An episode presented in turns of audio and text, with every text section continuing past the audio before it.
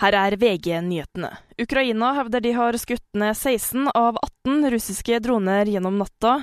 De skal annet ha kommet i Kyiv-regionen. Donald Trump tar seieren i Sør-Carolina og vinner dermed fjerde stat på rad i republikanernes primærvalg, og Nikki Haley har dermed tapt i sin egen hjemstat.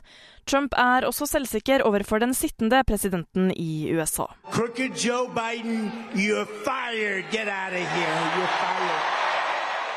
I Sverige er to menn døde etter at de ble påkjørt av et tog i Veksjø i natt.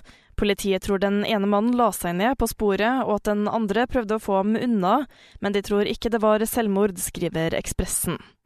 Et flertall på Stortinget vil beskytte loven som nekter kinoer å åpne før klokka 13 på søndager, selv om flere allerede har åpent tidligere. Barne- og familieminister Kjersti Toppe sier til Aftenposten at hun ikke ser noen grunn til å liberalisere kinoregelverket, som er med på å gjøre søndagen annerledes enn resten av uka. I studio Miriam Alsvik, nyhetene får du alltid på VG.